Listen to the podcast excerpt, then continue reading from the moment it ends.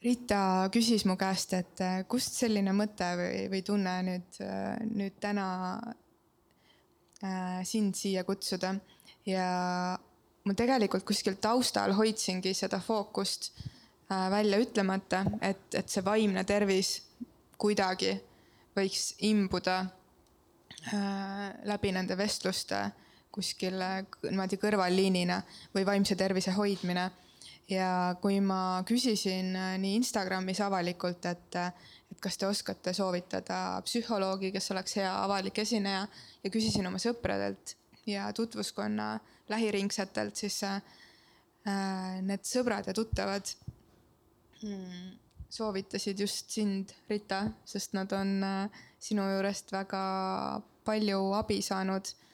Ja, ja see kuidagi läks mulle korda ja mulle tundus, et kui sa ütleksid jah tänasele kohtumisele just siin, nii et saalis on veel inimesi, siis oleks täiesti imeline, nii et juba, juba on imeline. Ma täitsa tunnen seda. aitäh, et sa võtsid selle kutse vastu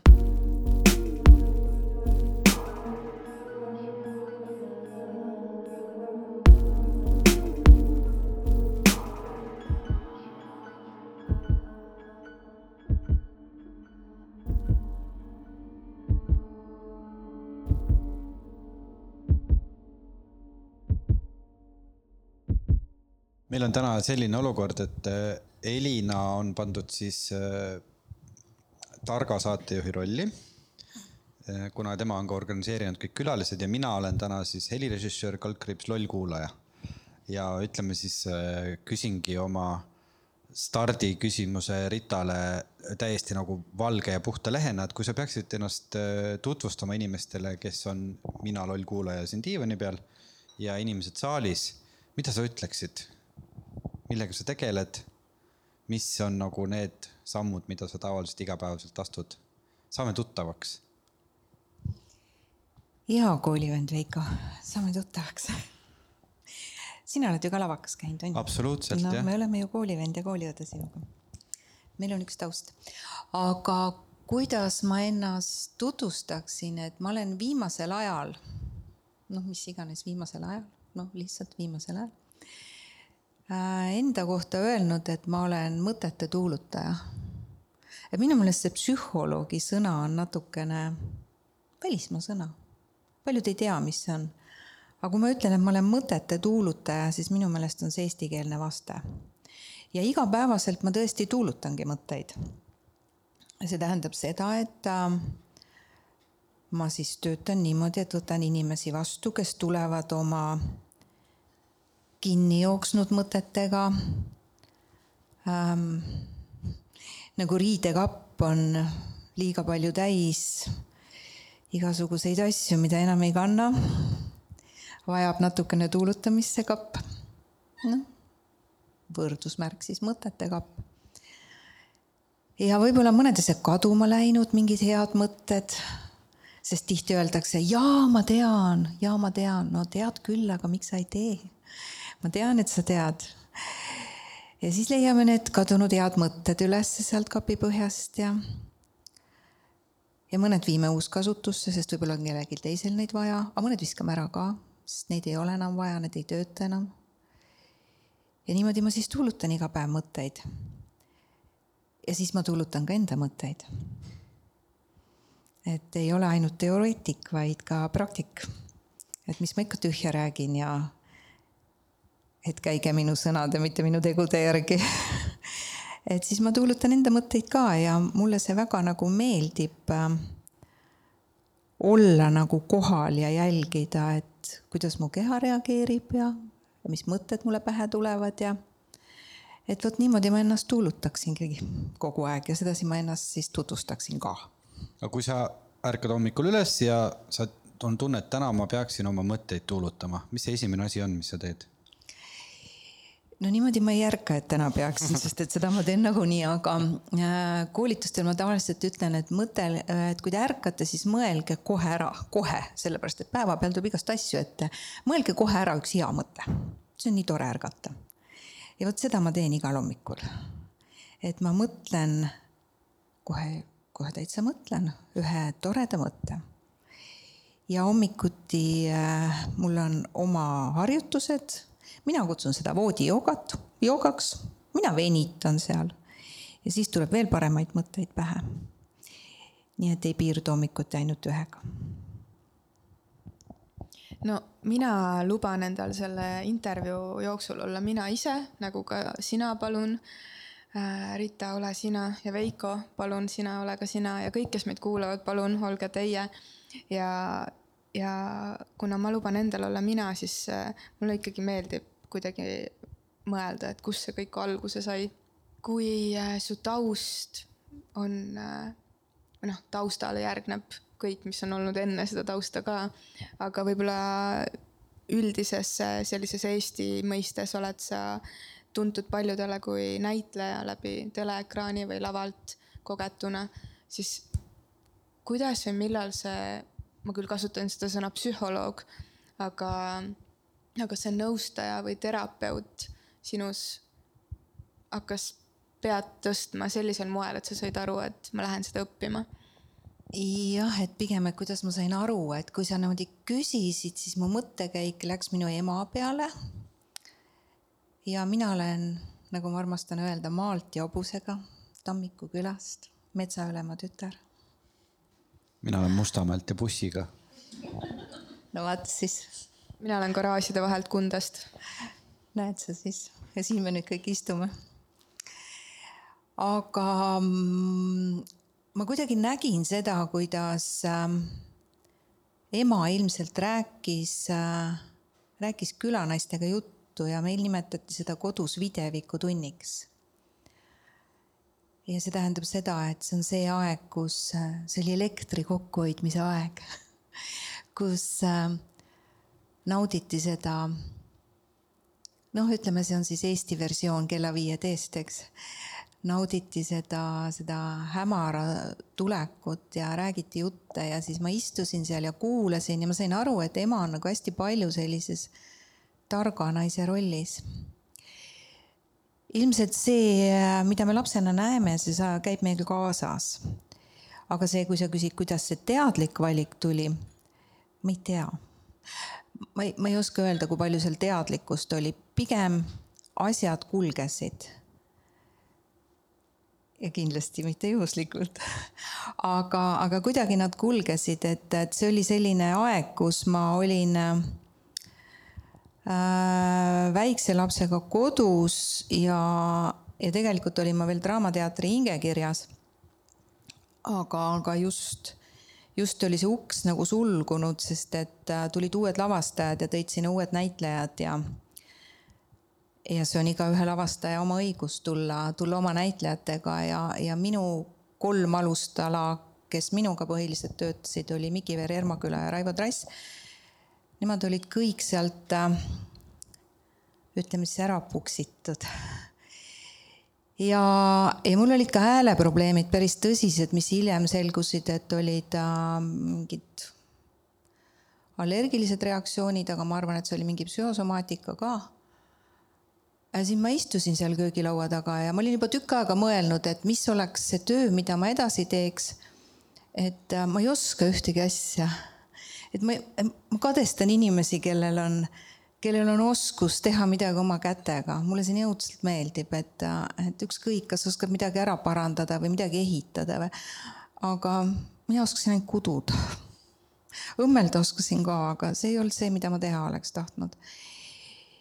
ja siis, aga ma teadsin, ma tean paljudest asjadest natukene. ja siis ma mõtlesin, mis oleks see töö, mis on, et sa tead paljudest asjadest natukene eks lapsed olid toonud igasugu toredaid asju küll ratsutamisest ja kaardist ja igasugustest kunstiasjadest ja noh, niimoodi nagu ikka me kõik, eks, korjame mingeid asju. ja siis ma istusin seal köögis ja, ja mõtlesin ja siis äh, sattus mulle kätte üks artikkel, kus oli suur pilt äh, ühest kursusest ja see oli äh, professionaalse psühholoogia erakool. rahvasuus kutsutakse seda Barktali kooliks, seda kooli enam ei ole. Ants Barktal oli tulnud just Ameerikast, äh, mingi aeg tagasi oli teinud Tallinna Ülikooliga kuidagi vist koostöös sellise psühholoogide kooli. ja sellel oli siis psühhoanalüütiline põhi ja kui ma seda pilti nägin, siis ma tõusin püsti ja läksin sinna kooli. ja ja siis tuli veel palju muid koole ja kursusi ja nüüd ma olen siin. aitäh, et sa oled siin ähm, näitleja sinus, mida, mul on ka tutvusringkonnas ja sõpruskonnas palju näitlejaid. üks istub siin diivanil. mida näitleja jaoks ja sul, sulle just naisena tähendab see, et, et hüppan veel tagasi, et kui sa oled midagi õppinud ja hakkad sellel erialal töötama tihtipeale me noorena kuidagi mõtleme, et see on ainuõige viis nüüd oma elu elada, et ma olen ju ülikoolis käinud ja õppinud seda ja nüüd ma pean sinna saama tööle ja oma, oma sõprade näitlejate kaudu on veel see, see pinge, mis täna vabakutselistena on küll hajunud, aga, aga kunagi see pinge, et saada siis nendesse suurtesse teatritesse tööle, et isegi kuskile provintsi, see oli juba selline nagu järgmise astme nii-öelda pakkumine või, või mentaliteet on ju. et äh, et kui sa näitlejaks oled õppinud ja näitlejana oled töötanud, kas sa kuidagi käisid läbi ka mingi kaotuse, leina, vastupanu, ma ei tea, mida kõike seal võis olla, et, et liikuda midagi muud õppima või see oli hoopis midagi vastupidist, et sa tundsid, et, et sa tahad, et sa ihkad midagi värsket kogeda, luua sa mõtled siis nagu äh, keskkooli, noh, tänases mõistes gümnaasiumi lõpetamise ajal või, või siis, õpingute ajal koolis? seesama lugu, mida sa just jagasid, et, et sa teadsid, et sa pead nüüd midagi muud tegema, et mingis mõttes see teater ju sai siis vähem tähelepanu, kui sa õpingutega psühholoogia poole vaatama hakkasid. Aga sellel hetkel oligi see joon juba vahele tõmmatud, see joon oli juba vahele tõmmatud, et ma teadsin, et ma pean liikuma kuskile mujale, et et ma olin Draamateatrist liikunud Nukuteatrisse selles mõttes, et nii kui üks uks sulgus, nii teine läks lahti ehk Eros Priit võttis mul kohe kratist kinni ja tassis mu Nukuteatrisse Alice'it tegema ja, ja see üleminek oli hästi sujuv. et äh, ja see oli hästi vabastav, sest minu meelest nagu mingid asjad on mingil hetkel nad on hirmutavad, kui nad muutuvad, sest muutused on hirmutavad, see on nagu selline revolutsiooniline olukord, et äh, vanamoodi enam ei oska ja uutmoodi veel, veel ei oska ja vanamoodi enam ei saa. ja, ja see oli, see oli hirmutav, sest sa tuled oma mugavustsoonist natukene välja, aga, aga siis sa tajud, et kui see asi on õige, siis ta on nii lihtne. ja kuidagi kerge. ja mul ei olnud tegelikult lõpuks raske sealt ära tulla. aga kui sa küsid näitlejatee kohta, siis äh, kui ma kui ma olin juba väike tüdruk, siis ma tegin külas teatrit. esinesime seal ukse peal, metskonna ukse peal naabritüdrukuga luuletustega ja müüsime pileteid. et ilmselt see esinemisvajadus oli sees ja ma tahtsin tegelikult saada meeletult balletikooli. ja ma käisin algklassides äh, ka meil käis Vanemuisest käis üks baleriin, üks meesterahvas käis tunde tegemas ja ta kinkis mulle äh, balletisussid, need varvaskingad ja ütles, et Rita, sinu tee on see. ja ma nii tahtsin sinna minna ja ema ei lasknud. ema ei lasknud kolmandas klassis maalt tüdrukut Tallinnasse, kuigi ma veensin teda, et aga tädi elab ju Tallinnas, sinu oma õde elab ju Tallinnas ja ta ei lasknud mind. ma ütlesin, ma ei oskan minna, et ma tean, et sealt tuleb nagu sirgelt minna trammiga, ma tean kolmanda klassi tüdruk ja ma, ma, sellel ajal oli üks selline ajaleht nagu Noorte Hääl ja siis ma lõikasin sealt selle kuulutuse, et võetakse balletikooli lapsi vastu, lõikasin selle välja ja käisin emal sabas kogu aeg, aga ema ei lasknud mind ja ma olin nii kuri nii kuri ja muudkui tantsisin kõik äh, igalt poolt, kui kuskil peegeldus oli kapi peal või kuskil, siis ma tantsisin et mulle see nii meeldis ja siis, ja siis ma tahtsin hoopis saada lastearstiks. ja siis ma tahtsin saada ajakirjanikuks ja siis, kui äh, Viljandist äh, tuli minu poissõber, tuli selleaegne poissõber tuli, äh, tuli lavakasse, siis ma tulin temaga kaasa, pluss veel üks sõbranna ja ma olen klassikaline lugu sellest, kes läks kaasa.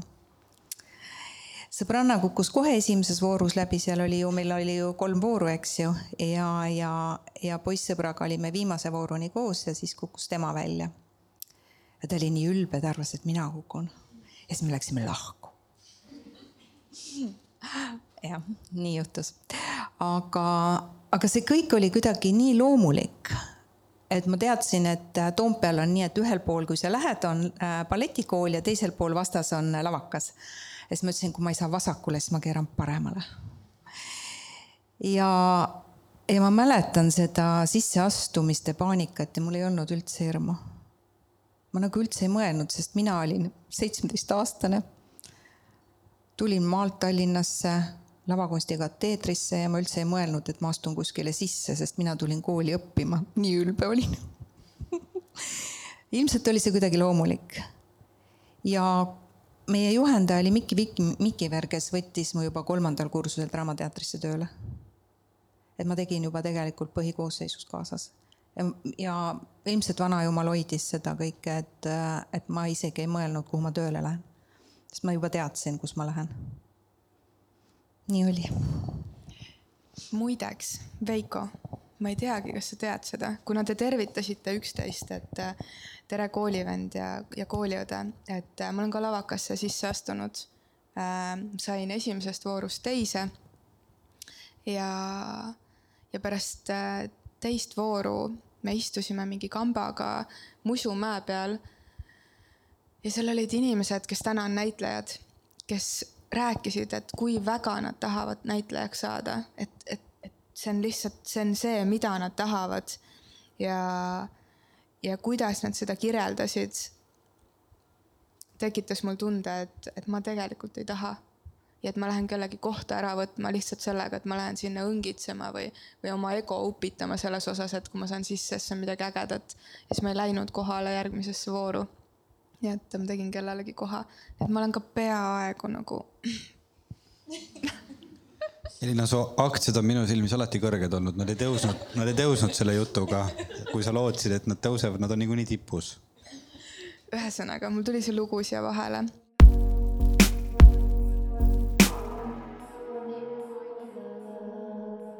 kui äh, sa iga päev oma praktikumi pidades äh, kohtud inimestega siis äh, kas sa pead ka näitlema või, või sina saad olla sina ise? ma arvan isegi, et ma olen näideldes mina ise, mitte et nüüd need rollid, eriti see viimane nüüd väga kajastaks mind, ma mõtlen seda Pilve tal, kui keegi teab, eks ju. et äh, aga ma arvan, et igas rollis on äh, kübeke, kübeke inimest ennast, et sa ju ikkagi teed selle materjaliga, mis sul on. ja kui sa küsid, et kuidas ma kabinetis olen, siis äh, ma arvan, et seal ma olen väga kohal. sest mõnikord ma ei saa aru ise ka, mida ma räägin. sest see kuskilt tuleb ja tuleb. ja kui ma pärast mõtlen, mis ma rääkisin ja keegi veel küsib, et oota, et sa ütlesid seal midagi, siis ma ei mäleta. ja see ei ole mäluprobleem. et ilmselt see on kuidagi äh, selline voogamine, mis tekib, et, et sa tajud seda inimest, kes sul seal vastas on. ja sa oled tema jaoks. ja sul tuleb see info, mida tal on vaja ja mina ei ole üldse tähtis, mina olen vahendaja. nii et ma arvan, et ma kaon seal täitsa ära. mis äh, seisus on eestlaste vaimne tervis? tead, ma ei oska öelda, ausalt öeldes, ma ei tea, ma, ma isegi ei tea, kuidas seda öelda sellepärast et ähm, no mitte keegi ei tule ju, ju minu juurde või, või ükskõik kelle teise kolleegi juurde, et äh, kopp-kopp, tere Rita, tahtsin sulle öelda, et mul on õudselt tore elu, soovin sulle ka kõike head ja noh, lähme edasi. Et noh, nii ei ole, et selge on see, et, et kui inimene tuleb, siis ta on olukorras, ta on mingis olukorras, kus äh, noh, kus ta tahab lihtsalt niisama niimoodi korraks oma mõtted ära tuulutada ja öelda, et noh, tegelikult ma tean, ma olen õigel tee otsal, et väga hea, et mul oligi kinnitust vaja. või siis, või siis on see, nagu mul üks klient ütles, et, et ta arvas, et ta on omadega nii põhjas ja nii augus juba. ja siis kuulis, et keegi koputab sealt alt. järelikult on võimalik veel sügavamale kukkuda, polegi nii hull et, et eks valdavalt ole ikka niisugused olukorrad, et, et siis, kui ma ütlen seda, et noh, ma töötan ka kliinikus, et, et kliiniku ja eravastuvõtu peal siis on ikka asi hull, eks ju. aga kui ma näen tänaval ja ka siin, eks ju, rõõmsaid nägusid, siis no ei ole nii hull, eks. et ähm, aga ähm, muutunud on ta. ta on muutunud, kui ma teen seda tööd aastast kaks tuhat seitse igapäevaselt sisuliselt, siis, siis ta on muutunud ja, ja väga pa- ja mi-, ja minu klientuur on valdavalt ju lapsed, et kuskil seitsekümmend protsenti on mul ikkagi ju lapsed, kellega ma töötan. Ja seda ma saan öelda, et äh, laste toimetulek, iseendast arusaamine, oma tunnetest arusaamine, enda eest vastutuse võtmine ja meeletu üksindus, mis neid saadab, on äh, viimase, viimase viie aasta trend võib-olla. et see on küll süvenenud, laste toimetulek, noorte toimetulek. mis siis on, kas me peaks videvikutunnid taastama? jaa mis seal head on? räägime, räägime ja kuulame, kuulame ka, kuulamist ei ole. et müra on hästi palju ümberringi ja see, ja see müra tekitab tegelikkuses hästi palju üksinduse tunnet. et kõik nagu näiliselt on, aga tegelikult on ainult üks müra ja see müra on noh, taust, võib-olla siis tuua see taustaks mängiv televiisor või söögi ajal laua peal olev Maše ja karu video või, või, või äh, ema-isa telefonides, arvutites, lapsed telefonides, arvutites, igaüks oma nurgas. ja võib-olla ka see, et, äh, et me tegelikult ei kuula üldse, vaid kuuleme. ja, ja tihti seda enda sees olevat müra me summutame siis mingite tarkade lausetega, mis me siis mis me siis lastele ütleme, et tee nii või ole nii või ära tee või ära ole või et seda reaalset kuulamist ei ole. hiinlastel on üks ähm, märk, mis sümboliseerib kuulamist, midagi head ka Hiinast äh, on äh, see, see kuulamine koosneb kolmest sellisest sümbolist. kõrv, silm ja süda. ehk ma näen sind, ma kuulen sind ja see, mis sa ütled mulle, on mulle oluline. et sellist muuseas tegemist ja olemist on nii palju. et ma olen tuntud selline nutisõdija.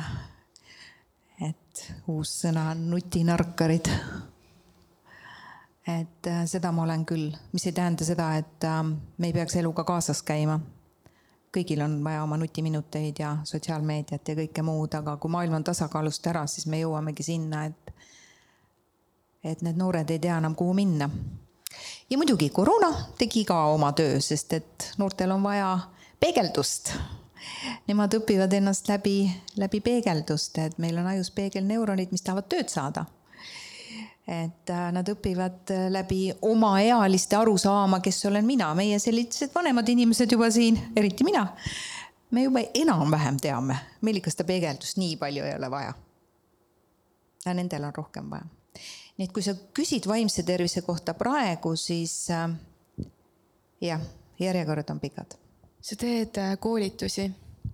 räägi äh,, mida sa teed äh,, kellele sa teed ja millised teemad seal üles tulevad, mis, mis sa seal nendes ruumides tajud, mida julgetakse küsida, mida julgetakse enda poole avada, mida sina koolituse läbiviijana näed, kuhu fookus tuleb seada?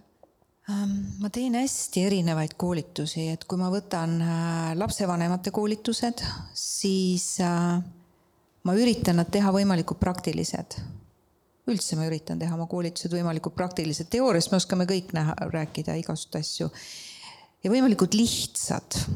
et, äh, et mõnikord mul on endal ka selline tunne, et, et kas ma rohkem ei oskagi või, et miks see nii lihtne peab olema kõik? Ja siis saad aru, et selleks, et jõuda mingite lihtsate seletusteni, pead sa käima ikkagi päris suure kaare ära, et sa, et sa saaksid seda lihtsalt välja öelda. Ja siis on lastevanemate koolitused, et need on, need on siis äh, sellised, kus me räägime kasvatusstiilidest, kõigest sellest, miks lapsed nii käituvad, nagu nad käituvad, kõik sellised asjad. ja seal tulevad hästi praktilised küsimused oma isikliku pere kohta, oma isiklike laste kohta. Nad on mõnes mõttes on, mõned on sarnased küsimused oma olemuselt, aga alati nad on ju per case ja, ja siis, siis need on need, siis on õpetajate koolitused, õpetajate nii lasteaia kui, kui koolides. sest ma ise olen töötanud ka üheksa aastat Rocca al Mare kooli psühholoogina ja, ja see kooli teema tuleb mulle ikka paratamatult sisse, sest et kui ma lastega töötan, siis nad ju käivad kuskil lasteaias või koolis ja ma käin ka neid mõnikord ka kohapeal jälgimas. Ähm, ja seal ma, on minul üks fookus selline, et ähm, õpetaja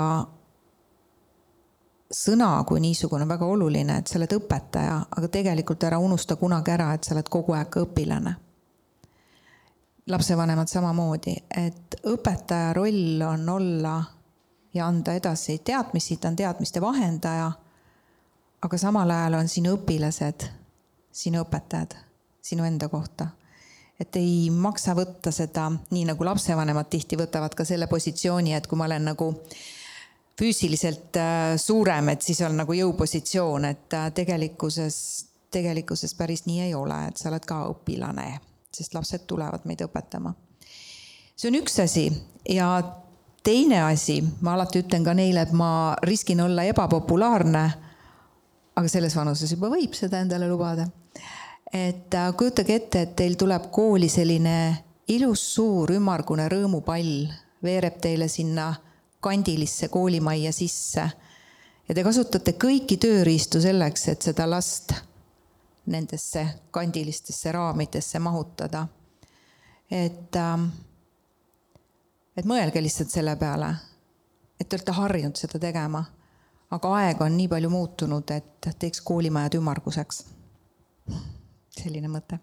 ja siis on kõikvõimalikud enesearengu teemad ja minu üks selline leivanumber on juba, ma teen koolitusi aastast kaks tuhat kümme või enne seda isegi, enne seda juba mõtlemine. see on kõige lihtsam asi maailmas ja kõige keerulisem asi. kuidas ma mõtlen ja kuidas mõtlemine ja mõtteviis ja mõttemustrid on automatism. ja kuidas nad tegelikult meid igapäevaselt mõjutavad. ja kuidas tegelikult nendega niimoodi teadlikult tööd tehes, vaid neid märgates me saame muuta oma elukvaliteeti sa küsid ja mina vastan alati hästi pikalt, nii et Ei, arvesta sellega. Rain Tunger oli meil siin äh, sellel avaliku salvestuse päeval eelmine külaline ja me kuidagi jõudsime jutuga sinnamaale, et, äh, et ükskõik, kellel meist on elus olnud või on käsil või ees äh, selline olukord, kus on mingi asi justkui on läbi saanud ja mingi uus asi pole alanud, nagu sa ka just äh, mainisid. aga on täielik haprus või, või keegi on katki või on, äh, on, on ka mingit laadi masendus ja selline väärtusetuse tunne ja kuidagi selline tunne, et, et ma ei tea üldse, kuidas sammugi teha, rääkimata sellest, kus suunas. Ei taha teki alt välja tulla, kodust välja minna, ei taha süüa, juua ja kellegi kõnesid vastu võtta. ja siis äh, on terve maailm täis õigesti mõtlemist ja võimalusi ja praktikaid ja raamatuid ja muusikat ja inimesi. ja kuskil on olemas Äh, see minu seletamatu teine pool ja hingesugulane ja, ja eluarmastus. aga sellel hetkel tundub kõik nii võimatu. ütle sina palun terapeudina, kui ma ärkan üles, võib-olla ma isegi ei taha ärgata. et kuidas selle päevaga edasi minna, kuidas, kuidas need silmad lahti teha, kuidas sealt voodist välja tulla, kuidas, mis, mida päriselt teha, et sealt liikuma hakata jaa, ma tean, millest sa räägid, ma olen ise ka seda teinud ja kogenud. ja nüüd on tagantjärele hea tark olla. aga jumal tänatud, et saab olla tagantjärele tark. sest siis tulevad uued võimalused olla tagantjärele tark. aga ma ei tea, ma ei, ma ei oska sulle öelda selles mõttes, et vaata, see on ikkagi alati per inimene või per see situatsioon või kuidagi nii, aga ma lihtsalt võin jagada, mida mina olen teinud. ja selliseid situatsioone on olnud niimoodi, et mul on isegi sõbrad öelnud, et äh, neil oli tõsine hirm, et, äh, et siit ma enam püsti ei tõuse, mina ei tõuse. ma ise ka arvasin, et ma ei tõuse. aga tõusin ja tugevamalt, kui ma iialgi oskan arvata. Ärkas mingi potentsiaal, mida ma ei teadnud, et mul on. siis sa oled tänulik sellele. ja ja päriselt oled tänulik, sest muidu sa poleks teadnud, milleks sa võimeline oled. ja, ja ma mäletan, et mingisugusel ajal ma käisin äh, nii Eestis kui Norras, õppisime metameditsiini, kui keegi teab. ja siis minu Norra õpetaja, kes oli äh, pisike kõhet mitu suitsu pahvi ägeda käriseva häälega tädi, ülivitaalne tüüp. ja siis tema ütles, pani käe õlale. see oli üks nendest rasketest aegadest. ja ütles, Rita, igas olukorras mõtle, kuidas see on sulle kasulik. nagu mine metsa. et kuidas sa saad seda nagu, siis sa peksad seda patja ja mõtled, see on sulle kasulik, see on sulle kasulik, see on sama nõme, kui öeldakse, mõtle, kuidas see on sulle hea. no, no ei ole sellel hetkel hea, vastik on. ja, ja siis sa peksad seda patja. ja, ja vaata, kehas on ju väga palju pingeid ju tekib, eks. ja poksikott on üks hea asi. et siis võta see padi ja peksa seda patja. jah, hea tugev padi oli siis hakkab kohe kergem natukene, sest sa saad mingi pinge endast välja ju. ja siis usalda elu. see ei tähenda seda, et, et ära midagi tee ja lihtsalt ole zen ja usalda elu, eks ju, päris nii ka ei ole, et midagi peab ikka tegema. iirlastel on üks hea vanasõna, et põld ei saa küntud, kui mulda ainult mõttes ümber keeratakse. midagi tuleb teha ka. ja siis sa lihtsalt kuula ennast ja mingid asjad hakkavad paika loksuma ja, ja ma mäletan ühte situatsiooni, mis oli kaks tuhat neliteist, äh, kus ma sisuliselt äh, leidsin ennast kuuse alt lastega. ja, ja mingi sisemine rahu oli lõpuks sees. sest olukord oli täiesti lootusetu, täiesti lootusetu. ja siis see sisemine rahu oli see, mida ma tundsin, et äh, ma tean, et see läheb, see läheb paika, see loksub paika ja ma võtsin ette mingid hullumeelsed sammud ja ma ei teadnud, kuidas see lõpeb. aga ma teadsin, et see on õige. et, et võib-olla see on see mingi sisetunde kuulamine. et sa võid teha päris hullumeelseid samme, mis sellel hetkel tundub, et mul ei ole mitte ühtegi ressurssi, ei materiaalset, ei emotsionaalselt, mitte mingit ei ole, aga sa tead, et sa lähed õiget teed. et võib-olla see enda kuulamine, kõigepealt pinge välja, patja ja siis kuulad ennast ja lihtsalt lased asjadel olla. ja mingid asjad hakkavad jooksma ja hakkavadki jooksma, sest ma kujutan seda niimoodi, mulle meeldib, noh, inimene üldse mõtleb visuaalselt. mulle meeldib kujutada seda ette niimoodi, et äh, sul on ees kümme ust. ja sa tahad sellest ühest uksest sisse saada, aga see on kinni. aga sa tahad hirmsasti, sest sul on selline visioon, et sa tahad sellest ühest uksest sisse saada. ja sa võid endale väga viga teha sa võid ju seda ust peksta ja logistada linki ja. et tegelikkuses astu kaks sammu tagasi. üheksa ust on lahti. ja kui sa natuke veel tagasi astud, siis sa näed, et saab ka tegelikult nurga tagant minna. ja see tee ei ole see, mida sa endale pähe oled võtnud, vaid see on teine võimalus. et muidugi me raiume liiga palju mingit, mingit ühte viisi, aga tegelikult on rohkem miks see inimene on selline pujäänik, et, et äh, miks me valime neid uksi, mis on kinni või miks me ei taha lahti lasta või miks me kuidagi nagu hambad risti paneme voolamise asemel? no kuidas keegi, aga ma arvan, et, et noh, lihtsalt siin on ju minu arvamus, ühe inimese arvamus, et äh, me ei julge oma mugavustsoonist välja tulla, et kui me äh, kui me endale midagi ette kujutame, visualiseerime näiteks mm, tulevikku, siis me visualiseerime seda ju olemasoleva kogemuse ja olemasoleva materjali pealt. ja see, ja see tuleb ju meie seest, mida me oleme kogenud. ja selle pealt me siis hakkame seda ehitama. sest et see on turvaline. Aga teisiti ei olegi võimalik, sellepärast et inimene oskab ka teises kahtlustada ju neid asju, mis on talle tuttavad, on ju. et kui te olete kellegi peale armukade, siis kust see kogemus tuleb, kust sa oskad olla? või kahtlustad teist valetamises, kus sa tead, mis on valetamine?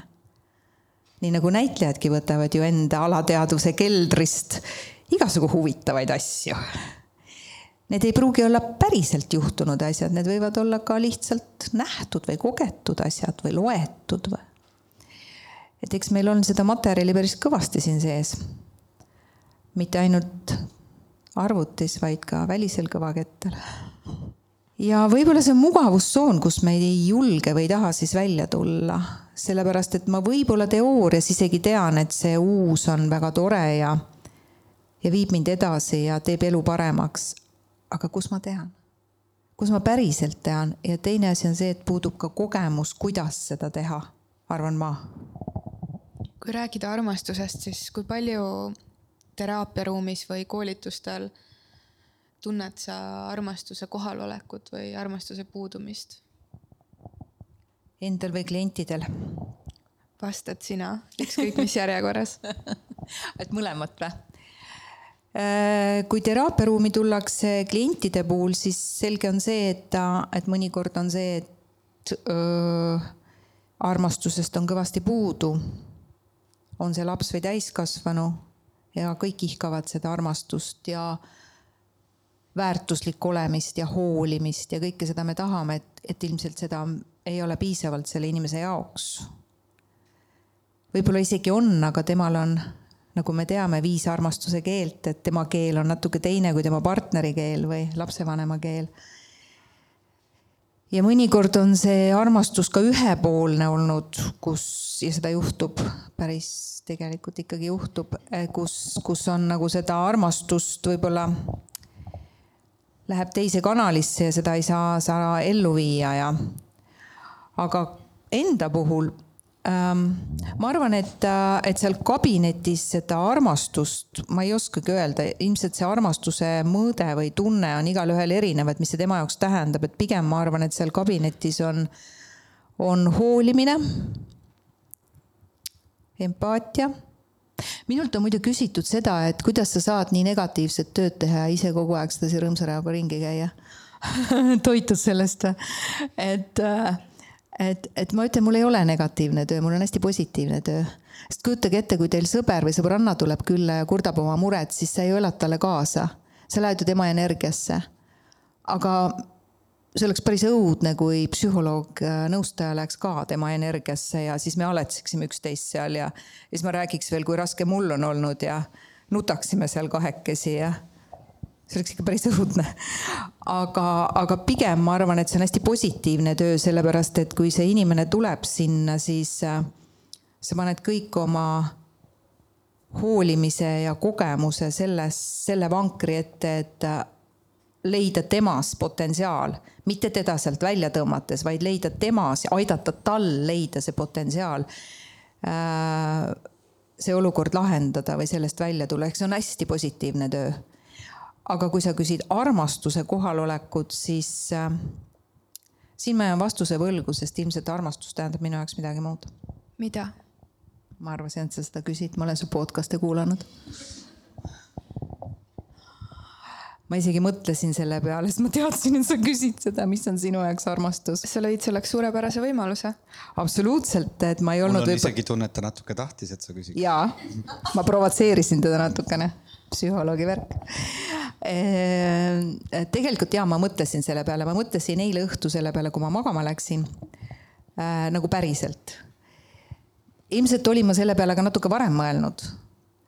aga, aga kui sa, vaata, kui sa tahad midagi teada, siis loe, aga kui sa tahad aru saada, siis hakka rääkima ja siis, kui mulle meeldib endaga kõva häälega rääkida, siis ma kuulen ise ka, mis ma mõtlen. see on üks väga hea meetod muide tänan, see oleks hea võimalus. just, ma olin selle juba kodus läbi rääkinud. aga, aga ma jõudsin selleni, et äh, mida tähendab nagu armastus ja siis ma sain aru sellest enda sees. ilmselt ma vormistasin selle enda jaoks nüüd sõnadesse ära. et äh, see on mingisugune selline tunne, mingi tunne kehas, millele ma ei leia, millele ma ei leidnud sõnu see on selline tunne, ta on soe. ta on kõikehõlmav, ta on hästi kerge. ja sa tunned, et su hinges tekib hästi palju õhku või sihukest ruumi ja sa tahaks seda jagada. et, ähm, et sa nagu, sa tahaksid nagu oma seda seest tulevat õhku teise inimesega või teistega jagada. et nad oleksid sellesama õhu sees. sest et see on äh, nii, nii kerge ja nii suur. et see armastuse tunne, ma sain aru, et see on, äh, see on selline tunne, mis on kehaline ja millele ma ei leidnudki sõnu ja ma ei oska sellele vastata. See on väga okei okay,, sest et minul on ka niimoodi, et mida nagu kuu edasi, seda laialivalguvamaks kogu see asi muutub ja raskem on mul sellele vastata. ma, ma tuleks korraks tagasi. aga ma tahan sulle vahele segada, et Sega. ma tean, ma tean, mis tunne see on. ma ja. tean, et see on armastuse tunne aga ma ei oska seda lahti võtta sõnadesse, aga ma tean, mis see on. kas sa oskaksid seda tantsida, kui oleks kuskil peegel? Ma arvan, ma olen seda tantsinud. kuidas teha või mida teha? me, me, mina olen lapsevanem, Elina on lapsevanem, siin tõenäoliselt on inimesi, kes on lapsevanemad või on tulevikus saamas või on, kellel on õde või vend mida meie peaksime tegema, et meie lapsed või õed ja vennad tegelikult ei peaks sinu juurde tulema? me rääkisime videokutunnist, me rääkisime kooli ümmargusemaks tegemisest. Mida veel? kui sa vaatad nende laste peale, kes tulevad täna sinu juurde ja mõtle, kindlasti mõtled, miks nad kodus, nad oleks võinud, nende vanemad ometi ju seda teha jah, see on, see on huvitav, et äh, ma praegu tabasin ka ennast selle pealt, et kuidas inimesel tekib kõigepealt negatiivne, negatiivne reaktsioon ja, ja see on loomulik, sellepärast et negatiivne on see, mis aitab meil elus hoida või elus püsida, et, et inimesel tulebki negatiivne esimesena ja mul tuli ka. kui sa küsid, mis me peaks tegema, siis ma, mul tuli see mõte, mida ei peaks tegema. see on naljakas ähm,. jah, seesama kuulamine ja kohal olemine, et ükskõik kui klišeelik see ei tundu, aga see on, see on see, et ole päriselt kohal. et, et see esimene mõte, mis mul pähe tuli, oli see, et ma mõnikord päris ausalt tunnistan, mõnikord vaatan linnas ja ma näen oma aknast, ma elan ka Kalamajas, siin mul on aknast paistab üks mänguväljak ja ma vaatan seda, kuidas vanemad on seal, siis ma vaatan linnatänavatel. Ja mõnikord mul tekib kabinetis see tunne, et miks teil on need lapsed? miks te saite need lapsed? kui teil ei ole nende jaoks aega, miks? kas ühiskond ootab või juhtus või? ma ei tea. et kui sa oled selle lapse saanud, siis äh, minu meelest naisterahvas, see on, see on minu arvamus. Minu meelest naisterahvas selleks ajaks, kui ta lapse saab, äh, peab natukeseks taanduma. mul on kolm last. kümmekond aastat kindlasti oma elust olid muud eesmärgid. ja sa oled kohal. ja sa teedki seda, et sa keedad putru ja lähed mänguväljakule ja siis lähed lõunale ja siis teed lastele lõuna ja siis pesed pesu ja koristad ja mängid ja teed kõike seda. ja see ongi su igapäevane ja öösel ärkad ülesse, sest nad nutavad vahest ja. ja siis tulevad noored emad ja ütlevad, et neil ei ole oma aega. teate, mis te teete selle oma ajaga, tahaks ma öelda? Te istute nutiseadmetes ma olen näinud äh, oma aknast ühte meest, kellel on käe külge nutiseade kleebitud. täiesti, täitsa kleebitud. Ta ei saa seda sealt ära. ja tal on imearmas inglilokkidega väike tüdruk, kellel on kaks korda olnud minu meelest eluohtlik situatsioon seal mänguväljakul. nii on.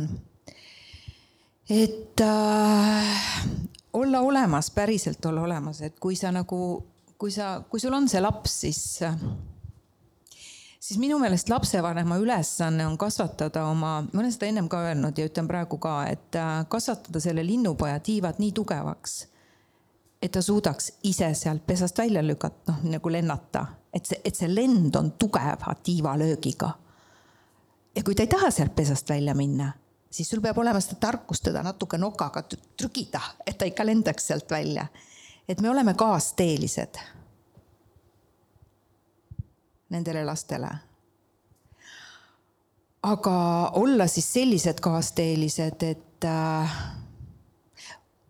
tead, kui sa küsid, et nad ei peaks sattuma psühholoogi juurde, siis seda ma päris ei arva sellepärast, et ma arvan, et sa küsisid sellepärast, et väga suurte probleemide ja, ja jamadega, eks ju. aga ma arvan, et tark lapsevanem käib, konsulteerib aeg-ajalt psühholoogiga. mismoodi seda peaks tegema? Lihtsalt tulla ja rääkida. ei, minul ei tule kunagi lapsevanem lapsega, kõigepealt tuleb ikkagi lapsevanem üksinda, sest mõnikord ei ole mul seda last vaja nähagi. mul pole üldse vaja teda sinna. siiamaani mõned emmed, kes ainult käivad. mõnikord issid ka aga ei, kõigepealt ikkagi kas emme ja issi või emme või issi või kuidas keegi, et, et selliseid asju on ka, et kirjutatakse, et meil on siin plaanis lahku minna, et me tuleks teie juurde rääkima, kuidas seda teha, et lapsel oleks see nagu võimalikult valutu. noh, selge on see, et see lapse jaoks on valus, aga et see oleks võimalikult valutu. kui tark, kui tark lapsevanem või lapsevanemad, nii ongi või siis oleme märganud midagi, et äh, nii nagu meie meditsiin on, äh, et, et oleme märganud midagi, et, et, et, et mis te arvate, mida teha, eks ju, et, äh, et, et asi ei eskaleeruks. sest et äh, kui me võtame tava, tavameditsiini, siis meie meditsiin ja, ja ma olen töötan, töötan praegu ja olen töötanud ka ennem koos arstidega ühes, ühes fondis. ja, ja Kingitud elust räägin ja, ja siis äh, ka arstid tunnistavad, et meie meditsiin on äh, ravimikeskne ja, ja juhtumipõhine et, et meil ei ole ennetavat tööd nii palju ja minu meelest peaks vaimse tervise teemadel olema ka rohkem ennetavat tööd. et, et, äh, et lapsevanem võiks minna ja küsida, et vot meil on selline olukord. mis te arvate, mis võiks sellega ette võtta ja selliseid asju on ja see on tore. see on tark sa ei nimetanud siis neid asju, et mida me ei peaks lapsevanemana tegema, aga ma tahaks küll kuulda.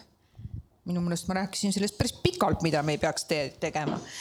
et äh, me ei peaks äh,, me ei peaks olema nutiseadmetes kõige kindlam asi, kõige, kõige see, see on, äh, see on, ma arvan, et äh, võib-olla siinieolijad ja, ja kuulajad võib-olla nii palju ei teadvusta või ei ole näinud, aga, aga, aga ma näen seda iga päev. ja see on tõesti masendav. see on tõsiselt masendav. kus me oleme oma mõtete ja tunnetega, me oleme ära kuskil, vot see on see üks müra. me oleme kogu aeg selle müra sees ja nii märkamatult, mul üks perekond praegu treenib, nad käivad korra nädalas, neile meeldib ja nad käivad korra nädalas väljas söömas ma küsisin, mis oleks see, mis te oma perega koos tahaksite teha päriselt ja nii, et te nutiseadmeid kaasa ei võtaks. ja nendele meeldib väljas söömas käia. mis te arvate, kellel on kõige raskem minna ilma nutiseadmeta oma kolme lapse ja naisega restorani? isa isal. sa ütlesid kolme lapse ja naisega. ai, Veki, vahele jäin sa oled nutikas, Veiko väga hea, ma sedasi ei mõelnudki, nüüd ma teinekord kuulan hoolega. aga, aga, aga see mees on just öelnud jah, et ta nagu käsi läheb kohe taha sinna taskusse oh,. kus kukkus? esimene reaktsioon, koju jätsime et äh, nad treenivad kolm korda nädalas lastega söömas käimist ilma nutiseadmeteta väga raske oli alguses. et sellest võib lõputult rääkida ja, ja, ja ma saan aru, et, et ma olen selline virisev vanainimene siin. aga vanasti olid videvikatunnid. aga korraks, mitte et see nutiteema ei oleks tähtis, et kuna see on nii suur ja nii kõikehõlmav, on ju, siis et kui see kõrvale tõsta, mis on veel need asjad, mida me lapsevanemana ei peaks tegema, et see väike inimene saaks kasvada terve suure inimese kombel. naljakas, kui sa küsid, mida me ei peaks tegema, tuleb mulle pähe, mida peaks tegema. väga hea, siis ütlegi, sest mina tahtsin küsida, mida peaks. jah, see on nii naljakas, et mis toimub. ja, ja me peaks mängima. me ei pea päev läbi mängima, lapsevanem ei pea olema meelelahutusasutus, jumala pärast mitte. Nagu päriselt, et, et kogu aeg mõelda välja igast asju mina jälle maalt ja hobusega, eks. mul on sõbranna, kellega me oleme koos kasvanud sellest ajast saadik, kui mina olin kahe poole aastane, tema oli siis kolmepoolene. ja siis me oleme mõnikord omavahel rääkinud. no meil mõlemil on kolm last, tema on vanaema, mina veel ei ole. jah ja, ja, ja siis me ikka räägime, et issand jumal, kuidas meie elu käis. hommikul mitte ei lükatud meid välja või me läksime välja, vahepeal jooksime koju tagasi, võtsime suhkrusaia, tilgutasime vett peale, et suhkur maha ei kukuks, jooksime edasi, õhtul korjati meid kokku sealt kuskilt. et, et, et ei olnud sellist asja, et lähme spaasse, teeme seda, teeme teist, kus me läheme, viu-viu, ving-ving kogu aeg. ei olnud sellist asja. ja, ja, ja, ja mis siis nagu täna teha, vot kui laps ütleb, et tal on igav, siis tal peab olema igav, aga mitte see, et tal on kogu aeg igav. ma arvan, et seal võiks olla natuke tasakaalu, et äh, mängimist, siis tal peab olema igav, sest muidu ei ärka loomingulisus. seal võiks olla raamatute lugemise pooltund, kus igaüks on vaikselt omaette, võib-olla oma mõtetega või raamatuga, mitte arvuti taga. jalutamist, rääkimist avastamist. mul käib noorem tütar, käib ühte mu sõbranna last hoidmas, see on natuke üle üheaastane ja ta läks, eile õhtul läks teda hoidma ja ta oli väga väsinud, sest tal on, ta on üliõpilane ja ta käib tööl ja ja siis ta oli väga väsinud, kui ta seda hästi-hästi aktiivset väikest tüdrukut läks vaatama, kes on natuke üle aasta. kui ta sealt tagasi tuli, siis ta oli nagu energiapomm. ütles, et oli küll vahepeal väsinud, aga see on ikka nii naljakas ja nii tore, millised need lapsed on. Nad annavad energiat, aga nendega tuleb koos toimetada. tuleb koos toimetada. muide, miinimum, miinimumkvaliteetaeg on viisteist minutit. ja see on juba väga hea ma olen sinuga sada protsenti nõus, lihtsalt nagu ka oma kogemusele põhinedes. ma olen vaadanud seda ka, et kui sa võtad selle viisteist, kakskümmend minutit, et nagu täielikult pühenduda lastega mingisugusele mängule, siis pärast seda nad, noh, mul on no, selles mõttes, neil on hästi, neil on õde ja vend kahekesi, vanus vahe pole ka eriti hull. pärast seda nad saavad nagu ise veel mindud üks-kaks tundi täiesti nagu selles samas äh, voos. enne seda võis olla neil maailma kõige igavam, nad ei suuda mitte midagi välja mõelda ja see kõik on kohutav ja ma tahaks palun iPad'i saada, sest et äh, igav on ütlen nagu okei okay,, võtame selle aja, selle viisteist minutit. ja ühesõnaga jah, on minu vastus sa tahtsid nüüd uut teemat tõstatada? mul läks nüüd meelest ära, aga ma sinuga kaasa tulles lihtsalt just selle igavuse poole pealt, et ma mõnikord katsetan, kuna mul on äh, hetkel üks laps, et, äh, et äh, siis neil on ju palju igavam kui, kui siis, kui on õed-vennad, on ju. et ei ole kellegagi kakelda või mängida ja, ja see on nii äge, kui hakkab see ving pihta, see on igav, on igav, on igav. Ja siis nagu ja kui sa lased kuidagi, et ma tean kahte kohta endas, üks on see, mis nagu tõmbab järjest pingesse, sest ma pean nagu mingi artikli ära kirjutama või, või kuidagi mingi asja ära tegema. Ja, ja ma ei saa parasjagu minna midagi tegema, isegi kui ma tahaks sest mul on mingi kellaaeg kukub, onju. ja siis ma tunnen, et see nagu närvirakud hakkavad lihtsalt sihuke silm hakkab tõmblema nagu lihtsalt seal nende nootide peale, kui keegi on sulle viisteist minutit karjunud, et tal on igav, onju. ja teine koht on see, kus sa oled ise lõdvestunud. ja sihuke nagu heas mõttes täiesti ükskõik, et ta ütleb, et tal on igav ja lihtsalt sellest enda lõdvestumisest ruumi tekib mingi selline õhkkond, kus tema sellest igavusest hakkab noppima mingeid uusi hetki. ehk et ma näen, kuidas mina emana tegelikult selles, kus mina omadega olen, loon ikkagi kas siis turvatunde nagu kas, kas, kas puudumise või külluse, on ju. ja, ja laps no, nopib sealt äh, selle, kuidas edasi minna, aga hästi kihvt on vaadata, kuidas nad sellest igavusest leiutavad ma ei tea, hakatakse vetsupaberit tükke tegema sentimeeter korda sentimeeter ja siis sellest tekib jänes põrandale või mida iganes. aga sealt, sealt nagu rullib selliseid asju välja, mida mitte igavusest kunagi ei teki. nii et aitäh, et sa selle igavuse olulisuse üles tõstsid äh,. ma tahaks puudutada ühte narratiivi, millest väga vähe räägitakse just praeguses maailmas äh,. ehk et räägitakse just teisest poolest ja see, mida promotakse ja mida edulugudeks peetakse, on just see, et, et äh, sain emaks ja juba, ma ei tea, laps rinna otsas läksin tagasi oma, oma juhtivale positsioonile ja, ja, ja vallutan maailma ja olen super ema. Versus see, mida sina just äh, äh, soovitasid või välja tõid, et, et naine võtabki aja maha ja on ema rollis ma ei tea isegi, mida ma küsin, palun lihtsalt hoia mulle ka praegu ruumi ja liigu siit minu mõttest edasi. aga see kuidagi puudutas mind. ja, ja ma tahaksin, mitte et see oleks minu tahte, et see lugu, mille sa välja tõid, et tõsta seda ema rolli emana. nii et ma ei pea mitte midagi muud saavutama kuskil, kui lihtsalt olema selles rollis, et ma olen ka naine, kui ma olen ema. et kuidas seda emmata, ma just nii soovin, et, et sellel oleks häält, sellel mõttel ja see on väga hea, et sa selle välja tõid, sest ma olin äh, siin mingi aeg tagasi olin äh, sellises situatsioonis, kui sa ütlesid, et, et anna mulle ruumi siit edasi minna, siis ma teadsin, et ma tulen sellesse ruumi kohe sisse sul. ja just sellega, et mul paluti intervjuud Äh, või noh, nagu ikka ka, kirjutad aeg-ajalt artikleid, annad intervjuusid teemal, kuidas äh, naine ühendaks siis selle töö ja kõige selle, et, et ikka kuidas seda kõike ühendada ja nii edasi. kui oluline see ikkagi on, kuidas, kuidas ema peab ikkagi tööle tagasi minema ja, ja millised need oskused võiks ikka olla, et ta seda teeks ja, ja ma ütlesin ära. ja ma ei teinud seda artiklit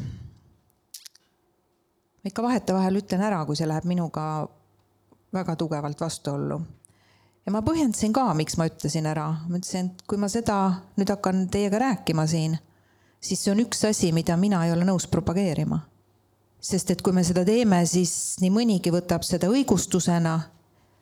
aga see, et, et see inimene läheb väikese lapse juures tööle ja nii edasi, me ei tea, miks ta neid valikuid teeb. me kunagi ei tea, miks ta neid valikuid teeb ja need on tema valikud ja tal on õigus oma valikute üle. aga äh, ma ei taha seda sellepärast propageerida, et äh, on palju emasid, kes tunnevad ennast sellepärast halvasti. et näe, teised saavad, mina ei saa. ja ma ei taha seda tunnet neis tekitada, nagu see oleks õige. igaüks teeb seda, mis on tema jaoks õige. aga paratamatult ma näen, näen äh, inimesi, näiteks alles hiljuti üks klient kellel on väga tugev depressioon, ütles, et kõik ju ootavad. ütlen, kes sult ootavad selliseid tegusid, no kõik ootavad, kes on need kõik?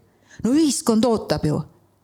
ühiskond, too midagi konkreetselt välja, kes sult ootab selliseid samme? no aga kõik ajalehed ja ajakirjad on seda täis. on nii, too midagi konkreetset välja, mida, mida sa räägid. ja siis ta räägibki mulle loo, kuidas tema vaatab ilusat ajakirja ilusate piltidega, kus on täismeigis, täissoengus noor ema väikeste lastega, ilus isa, ilus kodu, ilusad riided. aga et tal ei ole seda ja tema ei suuda kunagi selline olla, aga kogu ühiskond ju ootab selliseid asju. ja siis me võtsime lahti selle, et vaata, kulla inimene, et, et seal oli kohal meikar ja juuksur ja ja need riided ei ole selle naise riided, vaid neid tõi kohale talle stilist. ja, ja need pildid on võib-olla tehtud äh, stuudios, aga võib-olla need on tehtud ka tema kodus, aga, aga siis korjati mänguasjad ära põrandalt. ja, et see ei ole igapäevane elu. ja see naine ei olnud kunagi nii mõelnud. sest tema arvaski, et, äh, et peavad olema sellised asjad. ma ütlesin, et tead, et seesama et see, kellest ta rääkis, seda inimest ma ka tunnen. ma ütlesin, et tead, ka tema ärkab hommikul ülesse ja ta ei ole hästi maganud, sest laps on karjunud ja sa ei kujuta ette, millise padja näoga ta tegelikult on. ja, ja ükskord ta isegi kurtis mulle, et ta ei ole kaks nädalat pead saanud pesta. lihtsalt neil ei olnud sooja vett ja ta ei tulnud selle peale, et kausis pesta, aga okei okay.. et et, et see tegelik elu ei ole selline ja et tegelikkuses on seal veel hullemad asjad selja taga, et, et, et me kuidagi nagu unustame selle ära, et, et see, mis on võib-olla teisele hea, kui tema tahab minna sinna tööle ja teha seda, siis on tema valik. aga me juhindume kuidagi sellest ja sotsiaalmeediast. loomulikult me ju kõik teame seda, et me juhindume sellest, ajakirjadest, jah. et ei ole see, et kõik teised ootavad et sina mõtle seda, mis on tähtis sulle, mis meeldib just nimelt sulle. ja mis on vajalik, äh, vajalik sulle ja su lastele. aga see nõuab julgust, ma tean.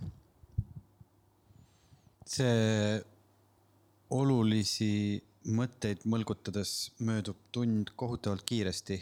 kas äh, olid mingid mõtted, millega sa täna veel siiapoole kõndisid äh, ja mida me ei ole taibanud küsida? Millest sa mõtlesid, et sellest ma tahaks kindlasti rääkida?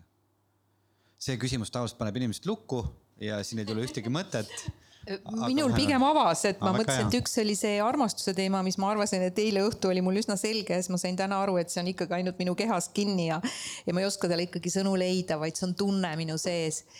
ja, ja üks mõte, mida, mis praegu kerkis üles, mitte ma oleks seda mõelnud varem, vaid lihtsalt praegu, kui sa küsisid, kerkis üles, et, et ma ma, ma käin, ma käin peaaegu iga päev käimas.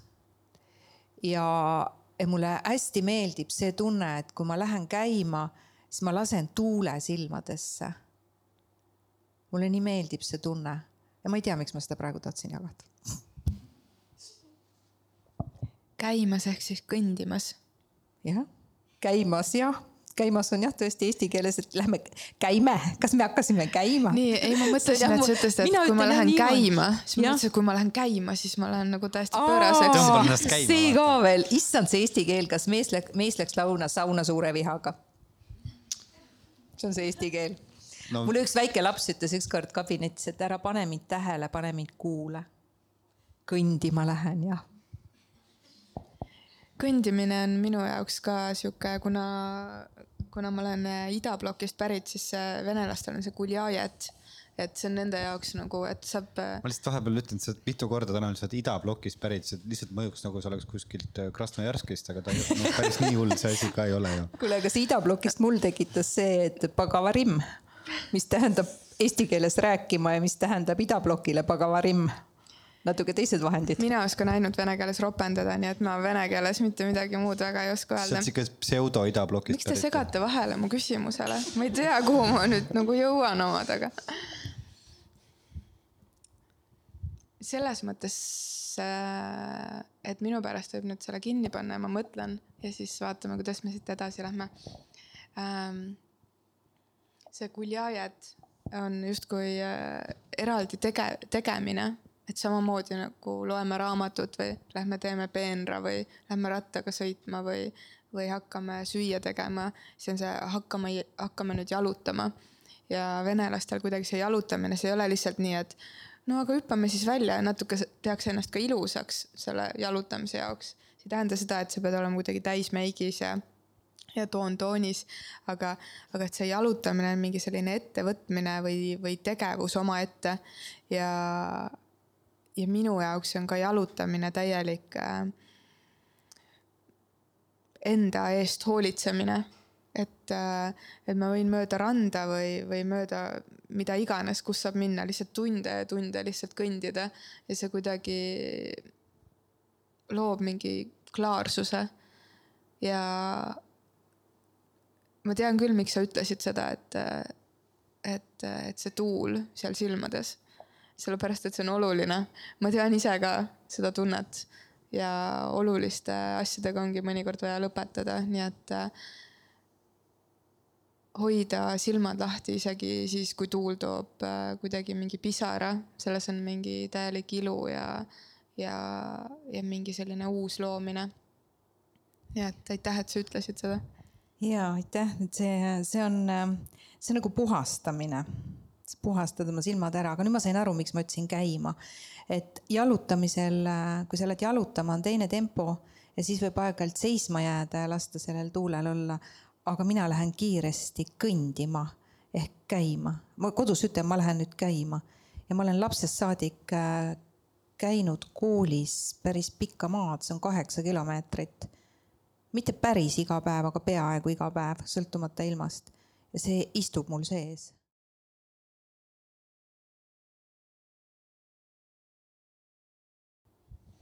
ja mina võtan siit ikkagi kaasa selle mõtte, mida tegelikult ma vist võtan igast vestlusest kaasa, aga erineval kombel, et äh, võtta aeg ja hetk selleks, et müra oma elust äh, välja saada. igalühel on selleks äh, oma viis, kes läheb käima, kes hommikul tund aega mediteerib, mis iganes, aga ma olen väga nõus, et et selle peale peab mõtlema, kuidas seda teha, leida enda jaoks sobiv viis ja tõesti proovida nagu leida neid müravabusid hetki oma elus. aitäh, Rita, et sa usaldasid ennast siia meiega ja selles vestluses oli nii palju selliseid väikseid noppeid, mille juurde tagasi tulla ja kust avada uusi suuri maailmu, et sa kuidagi puudutasid minus äh, erinevaid kohti ja me ei saanudki sügavuti täna minna. aga aitäh, et sa lõid selle välja ja igaüks nopib sealt, mis vaja. aitäh sulle. aitäh teile, et äh, ma tundsin ennast hästi turvaliselt ja kuidagi nii mõnus oli olla. aitäh kõigile, kes siin olid ja kes pärast seda kuulavad ja aitäh teile, et te seda, seda asja teete, mida te teete ja üks mõte veel, nagu Elina ütles, et me paotasime erinevaid uksi, et võtke siis see Rita mõte ka kaasa, et kui see üks uks on kinni, kust sa tahad meeleheitlikult läbi minna, siis vaata, et äkki seal kõrval on mõni teine uks, mis läheb lahti.